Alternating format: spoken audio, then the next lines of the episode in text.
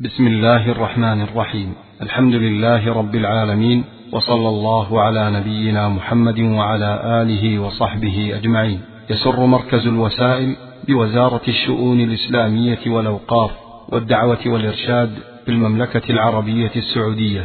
أن يقدم لكم المكتبة الصوتية لمعالي الشيخ صالح بن عبد العزيز آل الشيخ. وعنوان هذه المادة الفرق بين العقد والملح. بسم الله الرحمن الرحيم.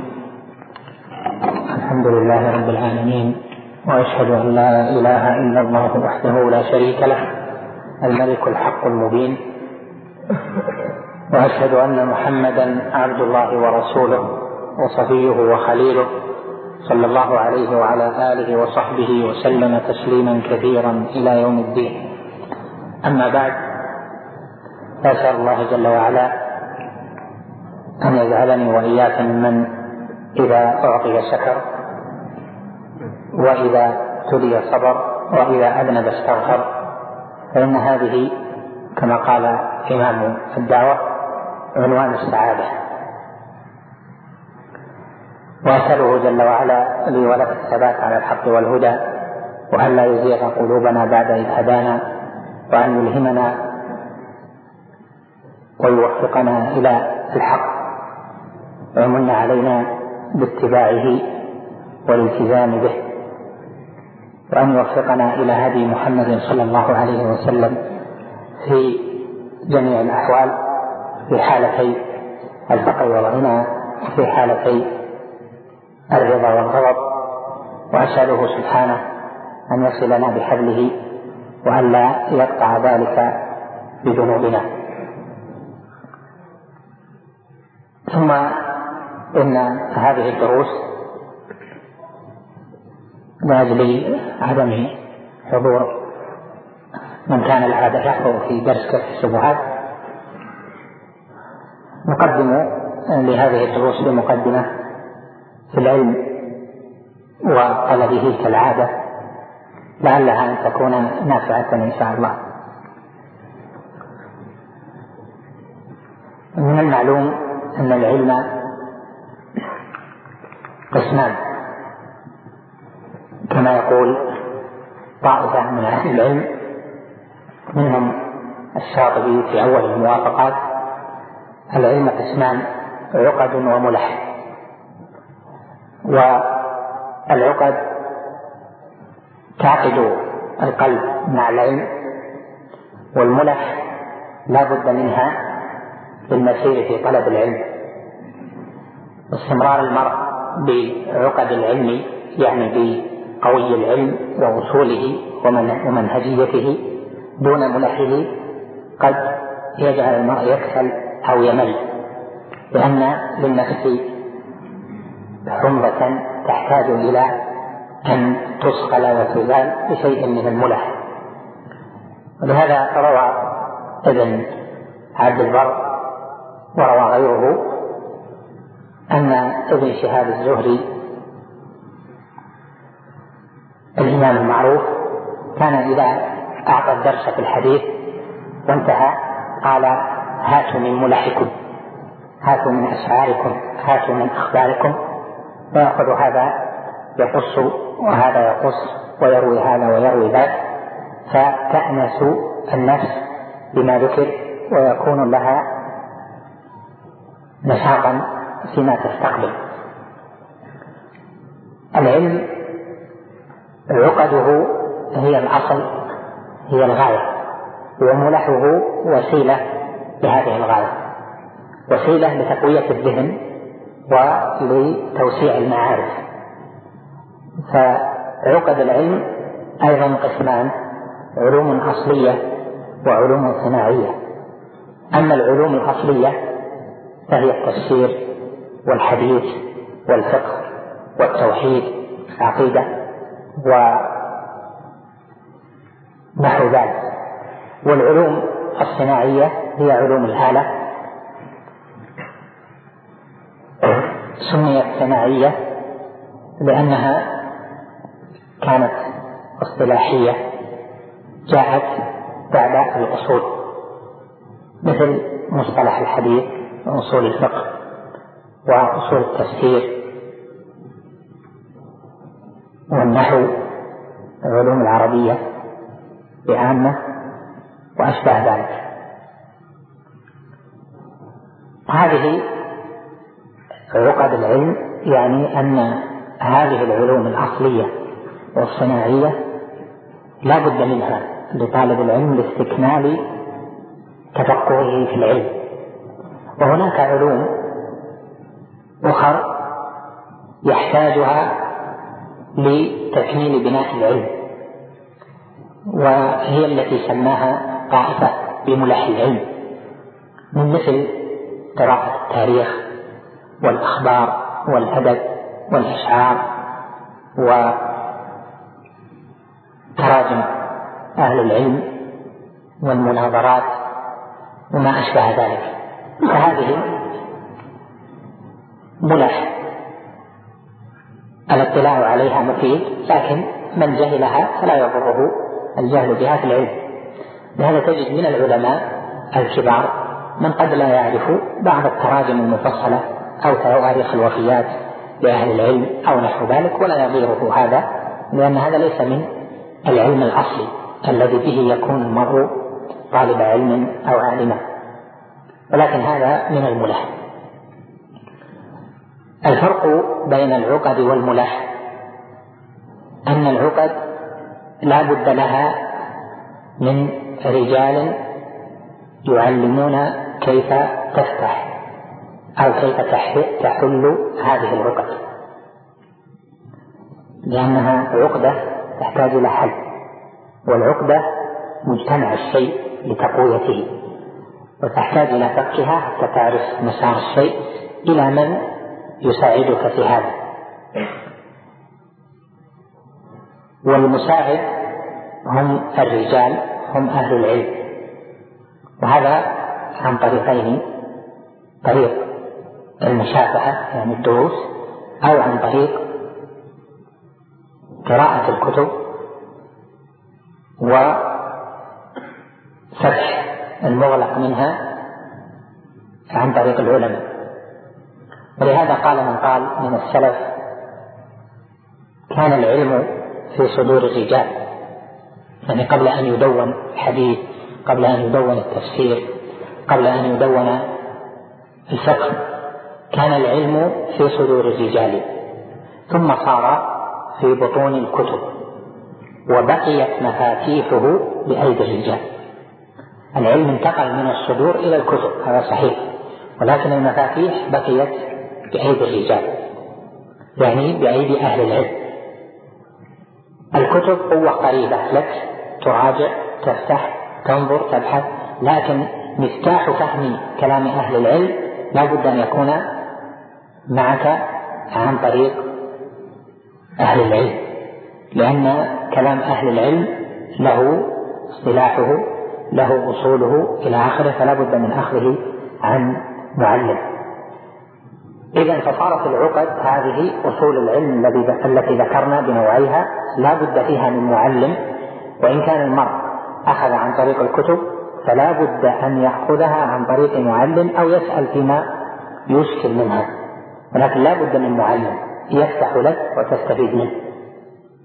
في ذلك مثل ما ذكرت لك المقولة كان العلم في بطون الكتب كان العلم في صدور الرجال ثم انتقل إلى بطون الكتب. وبقيت مفاتيحه بأيدي الرجال. أما العلوم الأخر أو الملح ملح العلم هذه لا تحتاج فيها إلى إلى عالم. تقرأها ما شئت لأنها علوم غير مقصودة لذاتها.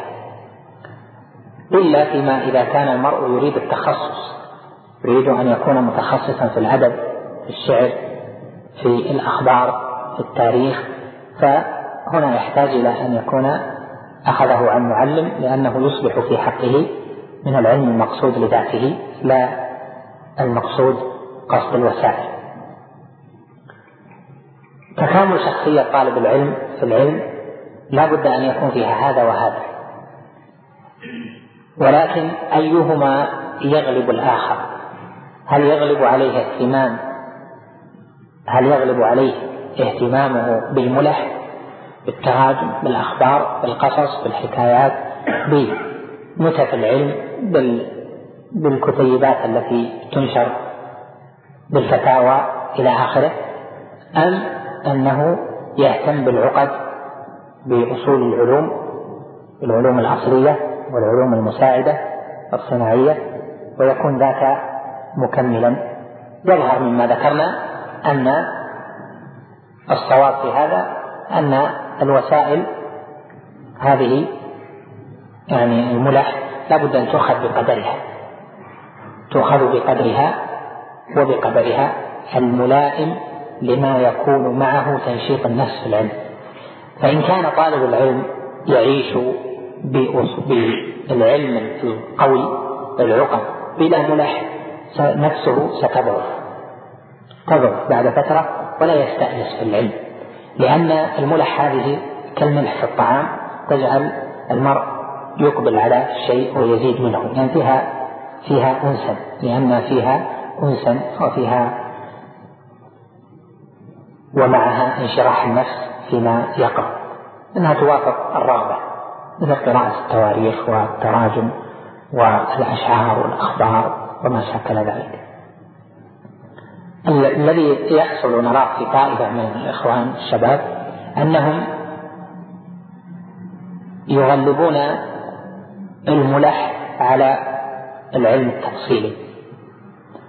ولهذا تجد أن بعضهم عنده معلومات واسعة مختلفة لكن ليست معصلة هذه تكون بسبب غلبة الملح عليه.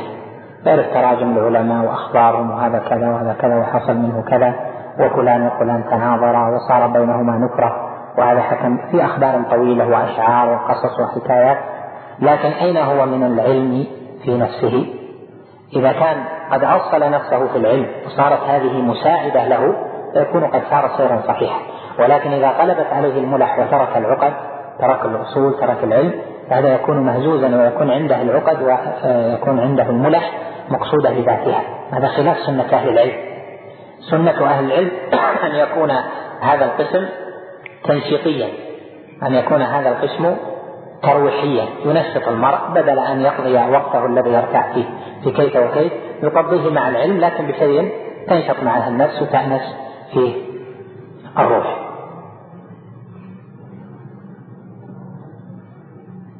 كذلك السعي في أخذ العلم وحفظ المتون والقراءة الجادة بدون ملح هذه تسبب شيء من الهز والاهتزاز في نفسية طالب العلم لأنه لا بد أن يكون عنده هذا وهذا.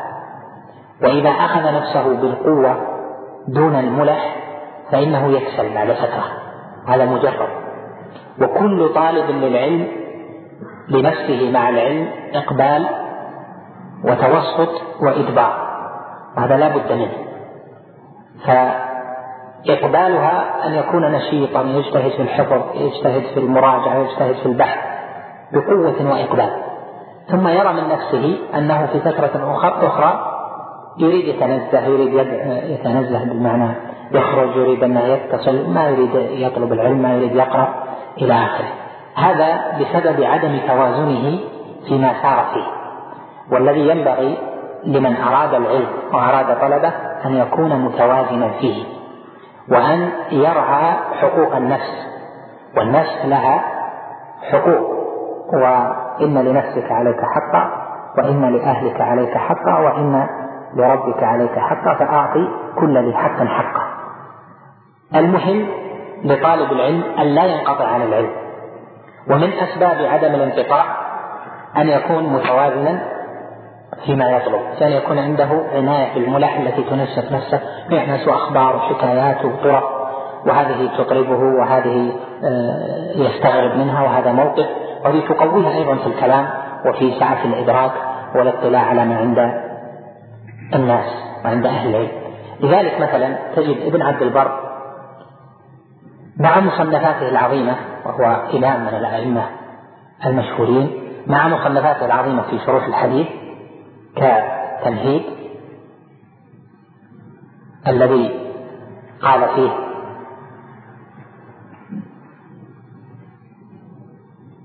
بنفسه سمير فؤادي مثلاثين حجة وصيقل ذهني والمفرج عن همي.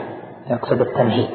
هو المفرج عن همه. إذا نظر فيه تفرجت همومه لما يجد فيه من من الأنس والانشراح.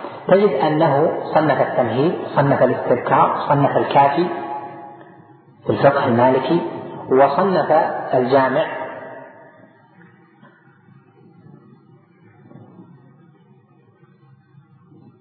المعروف صنف من جهة أخرى كتاب بهجة المجالس في الأخبار والأشعار إلى آخره. شبيه بعيون الأخبار وبيان التبيين والعقل الفريد بن عبد ربه وأشباه هذه الكتب. بهجة المجالس.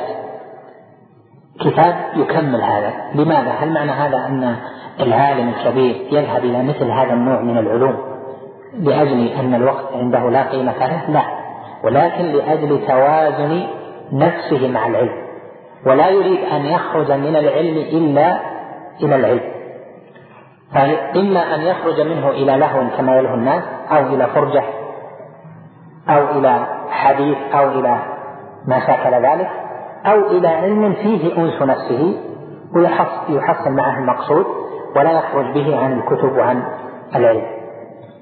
فتجد أن طائفة من العلماء اعتنوا بهذا وعندهم عناية الملح فإذا عقد العلم وأصوله مهمة وهي الأصل والتي تقضي معها الأوقات ولا بد لك أيضا من رعاية الملح وحفظ الأخبار والأشعار والأمثال وقصص ذلك وقراءة شيء من كتب الأدب وقراءة كتب التاريخ والتراجم إلى آخره فهذه تقوي منك الملكة في العلم ويكون معك أيضا نشاط. يكون معك أيضا نشاط في العلم بسبب ما ذكر. فإذا نخلص من هذا إلى ضرورة التوازن التوازن ليس معناه التساوي لا يغلب يعطى كل ذي حق حقه فيعطى أصول العلم حقها تعطى وسائل العلم حقها وتعطى الملح أيضا حقها. وهذا أنت تحكم به على نفسك. إذا طالب العلم يكون له في العلم إقبال وتوسط وإدبار. وهذا كما قال عليه الصلاة والسلام إن لكل شيء إن لكل شيء شرة وإن لكل شرة فترة. فمن كانت فترته إلى سنتي فقد أفلح وأنجح ومن كانت فترته إلى بدعة فقد خاب وخسر.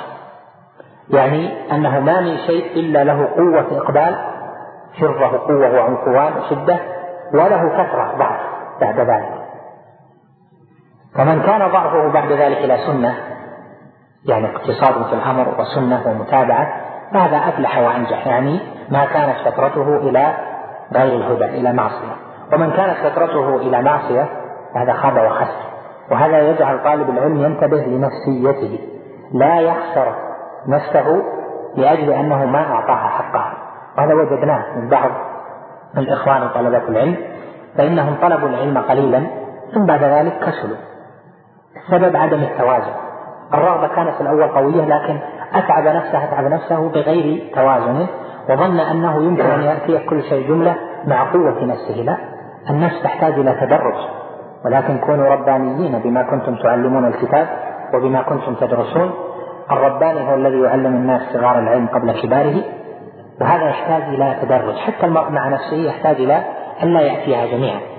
ففي طلب العلم لا تأتي العلم مع كراهيته أو مع التوسط في قبوله. إذا كان لك إقبال فيه فكما قال الشاعر إذا هبت رياحك فاغتنمها فإن لكل عاصفة سكون.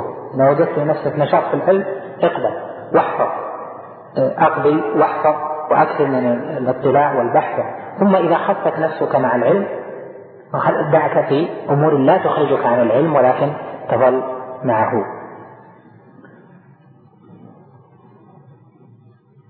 هذه جملة أيضا لها تفصيلات من جهة أنواع ما يسلكه المرء من الملح وما ينبغي وما لا ينبغي وطلب العلم الجاد وأنه هو الأصل وهو الذي ينبغي للمرء أن يحمل نفسه عليه وأن يجد فيه وأن يتخلص من الشواغل التي تصرفه عنه.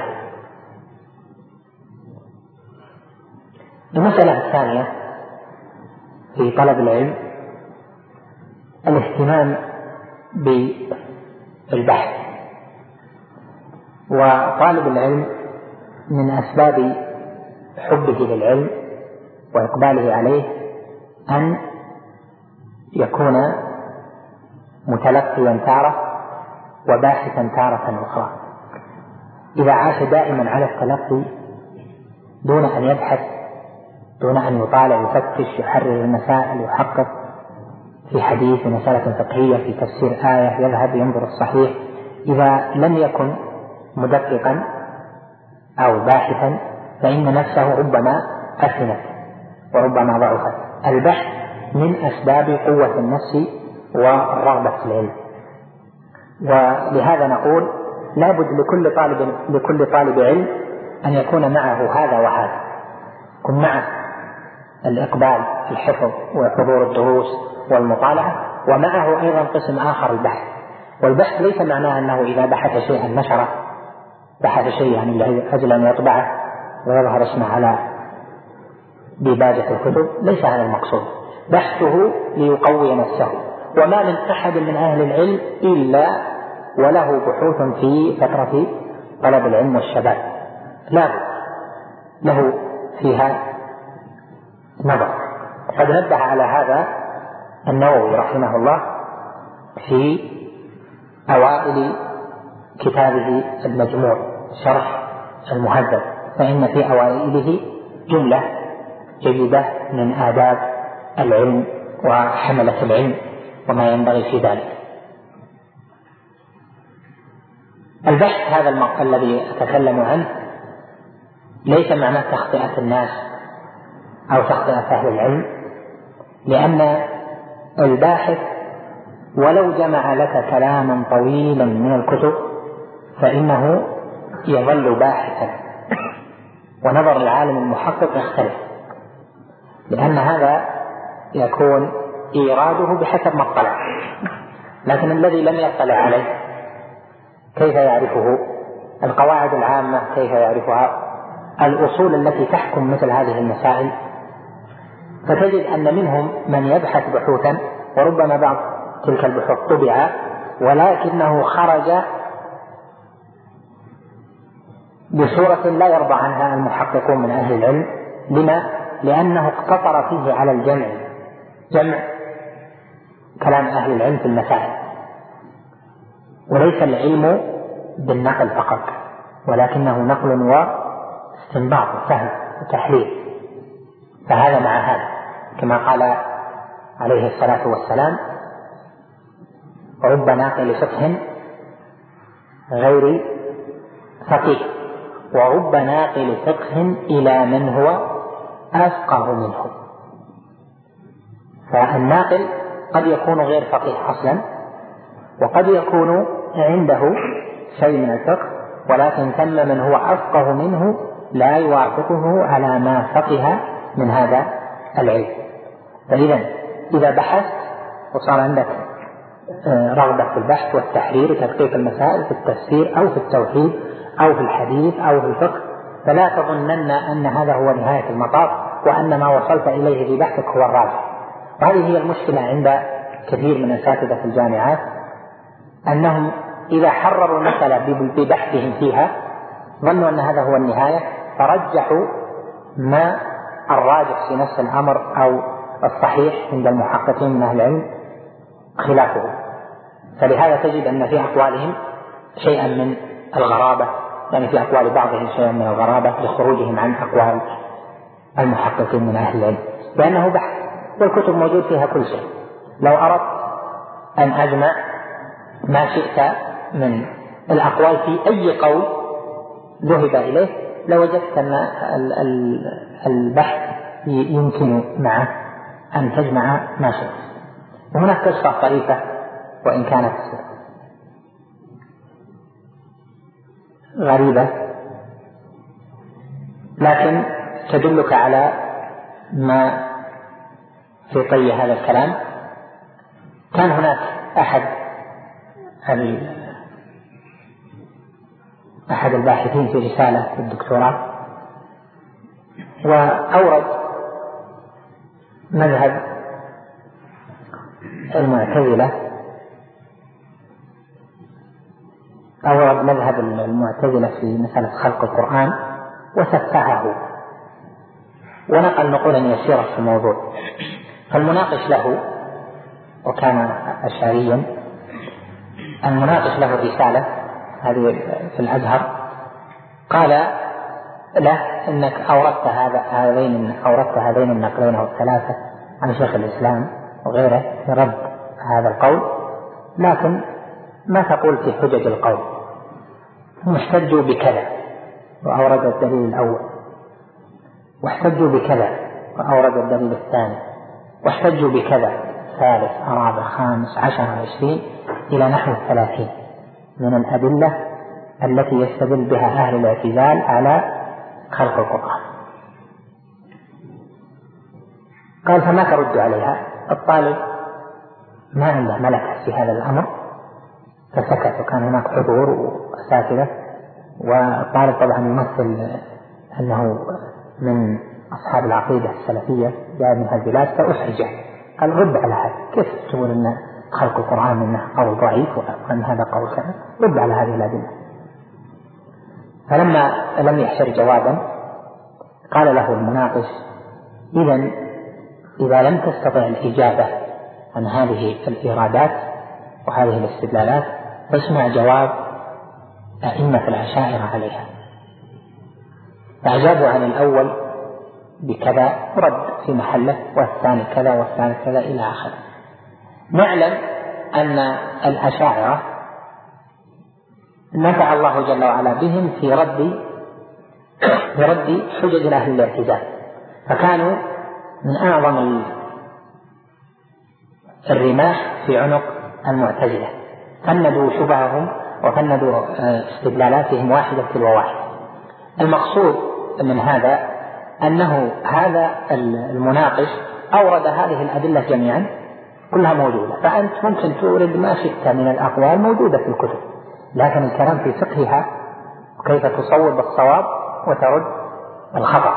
فإذا من ليس عنده ملكة قوية في العلم فالبحث عنده لا يؤهله أن ينشر بحثه ولا أن يجيزه عند نفسه. ولو كان مكث فيه كذا وكذا وجمع من النقول في المسألة إلى آخره.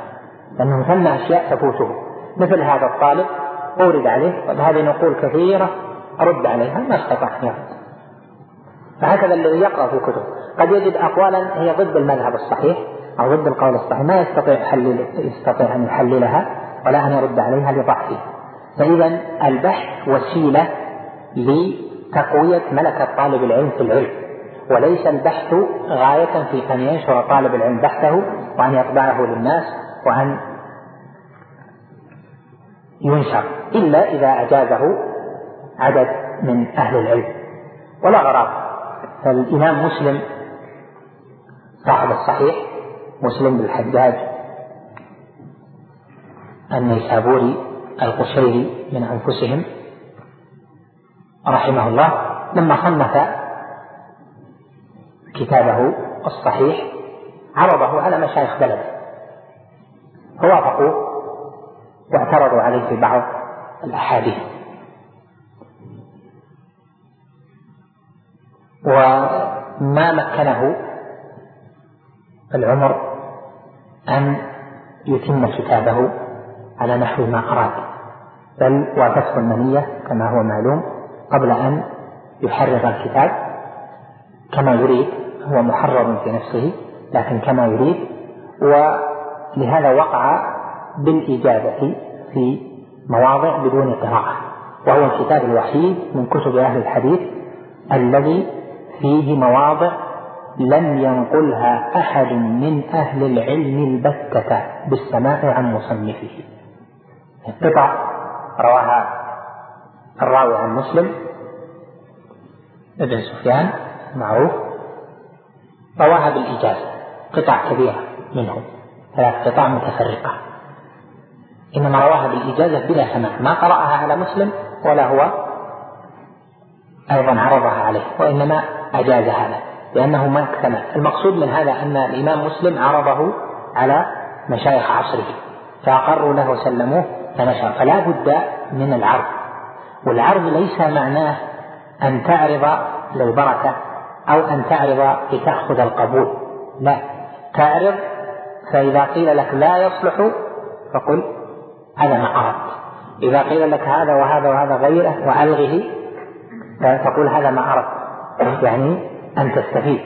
وهذا الذي ينبغي في مسألة البحوث. لكن الأصل أن طالب العلم يبحث لا للنشر يبحث لنفسه. فنفسية البحث هذه مهمة لأنها تقوي طالب العلم ولا بد أن يكون عندك دفتر تحقق فيه. مسألة التفسير تجمع أقوال المفسرين الصحيح فيها شوف كلام السلف. وما يدور حول ذلك مسألة فقهية فتوى سمع فتوى غريبة من أهل العلم تريد أن تنظر إلى اختلاف أهل العلم فيها تبحث في ذلك حتى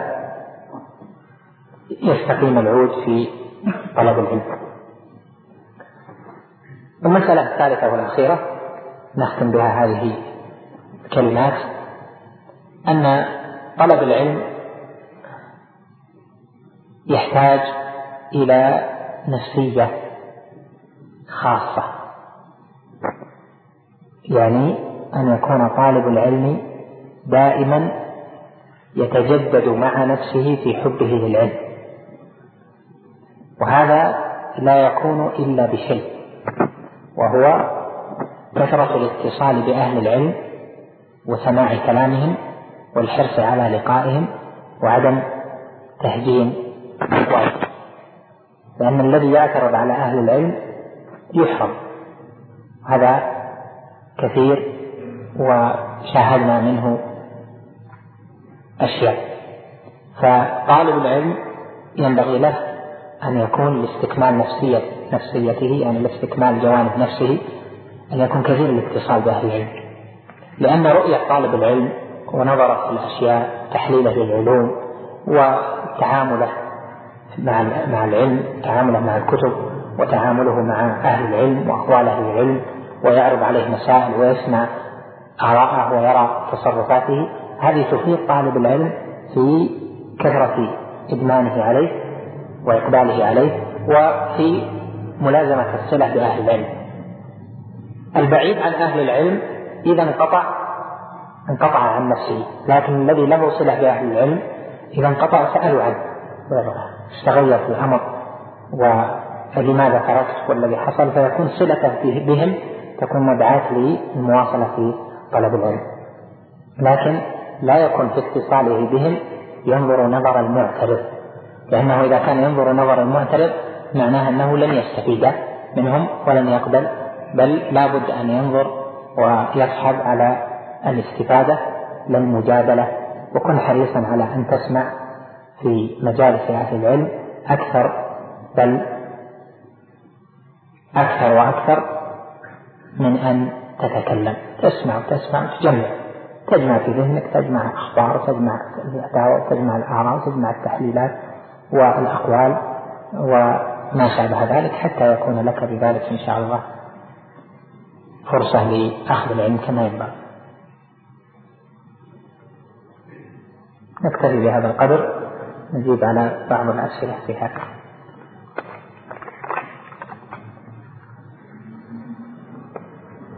السلام عليكم. يقول بعض العلماء لا تأخذ القرآن من مصحفي ولا العلم من صحفي. وما هو ضابط العلم هذا؟ وهل القراءة في كتب الفقه والتفسير والتوحيد الميسرة من ذلك؟ حاشية كتاب التوحيد والقول المفيد والشرح الممتع؟ تفسير سعد بن كثير زاد المعاد والنحو من الكتب الميسرة؟ وما هي التي لا بد لها من شيخ ومعلم إلى آخره. لا تأخذ القرآن من مصحف يعني ممن حفظ القرآن وقرأه من المصحف ما قرأه على شيخ. لا تأخذ منه القرآن لأنه يكون ولا بد يفوته بعض الأشياء. إما في الضبط أو في أدب التلاوة أو في التجويد أو في الوقف.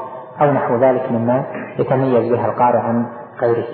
سابقا قبل أن يكون هناك شكل للمصحف يعني شكل تام بالحركات في وقت مقولة هذه الكلمة كانت المصاحف بلا شكل بنقط ولكن لم تكن مشكولة. كان يحصل فيها خلل وتصحيح. حتى نسب لبعض الكبار من المشهورين تصحيحات في ذلك آه، مثل ما يروى عن ابن أبي شيبة. عثمان ومثل ما يروى عن غيره من تصحيفات في التلاوة. بل قد ذكر ذكر لي بعض الثقات أن أحد الأساتذة في جامعة من الجامعات غير الشرعية كان يدرس مادة ثقافة أو شيء من هذا فأتى ب وهو يقرأ بسرعة في يملي عليهم أو عنده أوراقه التي يطالع منها. قالوا وقال تعالى وإذ نتفنا الحبل فوقه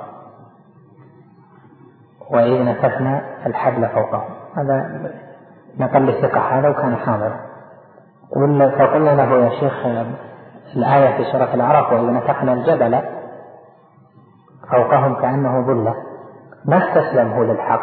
قال لا فيها قراءة وإذا نكثنا الحبلة فيها قراءات هذا من الاستهانة بالعلم وعدم طيب فيها قراءة تعلم هذا أو تخلصا؟ إذا كان تخلص هذا والعياذ بالله تخلص أنت من تبعه وتنسب شيء يعني عدم احترام للعلم الآخر. المقصود هذا من جهة آه، الصحفي من جهة أنه يقرأ وما يعلم. مرة أيضا واحد في مكتبة أنا سمعته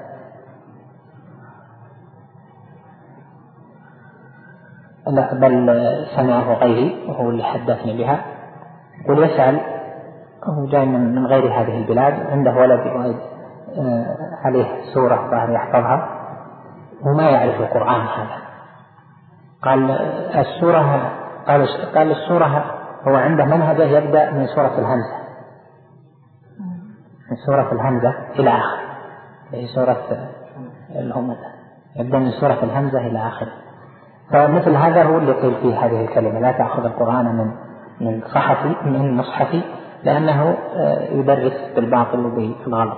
ولا العلم من صحفي أو من صحفي أصح من صحفي لأن النسبة للجمع لابد من إعادتها المفرد القاعدة في النسبة النحو عند البصريين أن النسبة تكون للمفرد. مثلا آه، ستنسب للدول لا تقول دولي وإنما تنسب إليها بالمفرد دولة. ترجع الجمع إلى مفرده ثم تنسب إليه. فيكون النسبة دولي. وستنسب للصحف لابد ترجعها إلى مفردها صحيفة فتنسب إليها صحفي في المدينة مدني. وهذه هي القاعدة. إلا فيما شذ لأجل وقوع الالتباس مثل النسبة مدائن المدائن المعروفة بالمدائن وأشباه ذلك لأجل أنه لو أرجعت إلى أصلها مدينة ونسب إليها مدني لوقع الالتباس بين المدني نسبة إلى المدائن والمدني الذي هو نسبة إلى المدينة. في بحث معروف في النحو. المقصود أن صحتها صحفي بفتحتين وليس صحفي وليس صحفيا مثل ما هو شائع في الأخبار وفي بعض الجرائد إلى آخره. لا تأخذ العلم من صحفي يعني ممن قرأ في الكتب دون أشياء لأنه سيرجح من عند من عند نفسه سيرجح بناء على ما قرأ والعلم لا يؤخذ هكذا. العلم منه شيء للترجيح ومنه شيء للبحث. الأقوال كثيرة وتنوع الأقوال وما ورده أهل العلم في شروحهم هذا طويل. لكن منه شيء للاطلاع منه شيء لمعرفة ما قيل في المسألة النظر لعله يكون له شواهد له قوة إلى آخره. فمن كان علمه من الصحف فإنه لا يكون على الجادة السوية بل لابد أن تجد عنده عنده شواهد عنده أغلاط يخالف بها أهل العلم. ولهذا عابوا على ابن حزم مثلا عابوا عليه في مسائل الحج أشياء وهم فيها. وانتقدها ابن القيم في زاد المعاد. وعقد لها فصلا طويلا. غالط بن حزم في الحج لأنه ما حج أصلا ولا تلقى كتاب الحج عن أحد من أهل العلم. وكذلك ابن القطان الفارسي العالم المشهور صاحب كتاب بيان الوهم والإيهام. انتقد الذهبي وغيره بأنه لم يأخذ علم الرجال ولا علم الحديث عن المشايخ. عن العلماء لهذا وقع في أوهام وفي أشياء تفرد بها كثيرا ولهذا سلسلة العلم إذا اتصلت يكون الاجتهاد واقع في أصوله ما يكون بعيد. والذين خرجوا بأقوال شاذة في الأمة أو أقوال غريبة خالفوا بها قول المحققين من أهل العلم والجمهور لا بد أن يكون فيهم هذا المنزع أنهم فاتهم الأخذ عن الأشياخ في ذلك.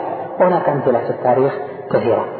المرء يحرص على أن يستفيد من أهل العلم لأجل أن يكون طلبه للعلم على أصوله. أما من أخذ من الصحف دون الأشياء فإن هذا يكون عنده نقص. إذا حصل أنه أخذ عن الأشياء في أصول العلوم ثم توسع في القراءة في الكتب فلا عيب هذا سنة كثير من أهل العلم بل الأكثر من أهل العلم أنهم لا يظلون أعمارهم يقرؤون على المشايخ بل جملة من عمره يقرأ فإذا حصل الأصول وشهد له بذلك واستشار شيخه ممكن أن بعد ذلك يترك لو ترك القراءة على المشايخ وأخذ يقرأ لوجود الأصول عنده أصول في التوحيد الأصول في التفسير الأصول في الحديث في الفقه إلى آخره. يعني الأشياء التي يضبط بها العلم. وكما ذكرت ذكرت لك في أول الكلام كان العلم في صدور الرجال ثم انتقل إلى بطون الكتب ولكن بقيت مفاتيحه بأيدي الرجال. لو تكلمت أحسن الله إليك عن المراجعة والمذاكرة بين طلبة العلم هذه مهمة. لا شك أن يكون لطالب العلم صديق في مثل همته يكون بينه وبينه مراجعة في العلم. يحفظ ويسمع عليه ويتراجعان وإذا ضبط مسألة أو شرح حديث تناقش فيه أو ضبط باب فقه تناقش فيه هذا يورد إشكال وهذا يورد وهذا يشرح شيء منه وهذا يشرح شيء منه كما كان العلماء السالفون يتذاكرون العلم. المحفوظ والمفهوم ولما قدم أبو زرعة الرازي عبيد الله بن عبد الكريم الرازي المعروف الإمام قرين أبي حاتم محمد بن إدريس الرازي لما قدم بغداد في مدة مكثه في بغداد لم يصلي الإمام أحمد نافلة كان يقتصر على الفرائض فقيل له في ذلك قال استعذنا عن النوافل بمذاكرة أبي زرعة. فمذاكرة العلم تقوي العلم وتثبته يكون معها قوة في الإدراك والفهم والحفظ إلى آخر ذلك لكن بشرط أن يكون الذي تذاكر معه في نفس مستواك كي يفهم مثل ما تفهم وتشترك أنت وإياه في حفظ ما تحفظون متدرجا كذلك في الحضور على العلماء. نسأل الله جل وعلا لي ولكم التوفيق والسداد. وقبل أن نختم نذكر بالمواعيد الجديدة للدروس وفهي يوم السبت كما هو. نكمل إن شاء الله تعالى الدرس في العقيدة.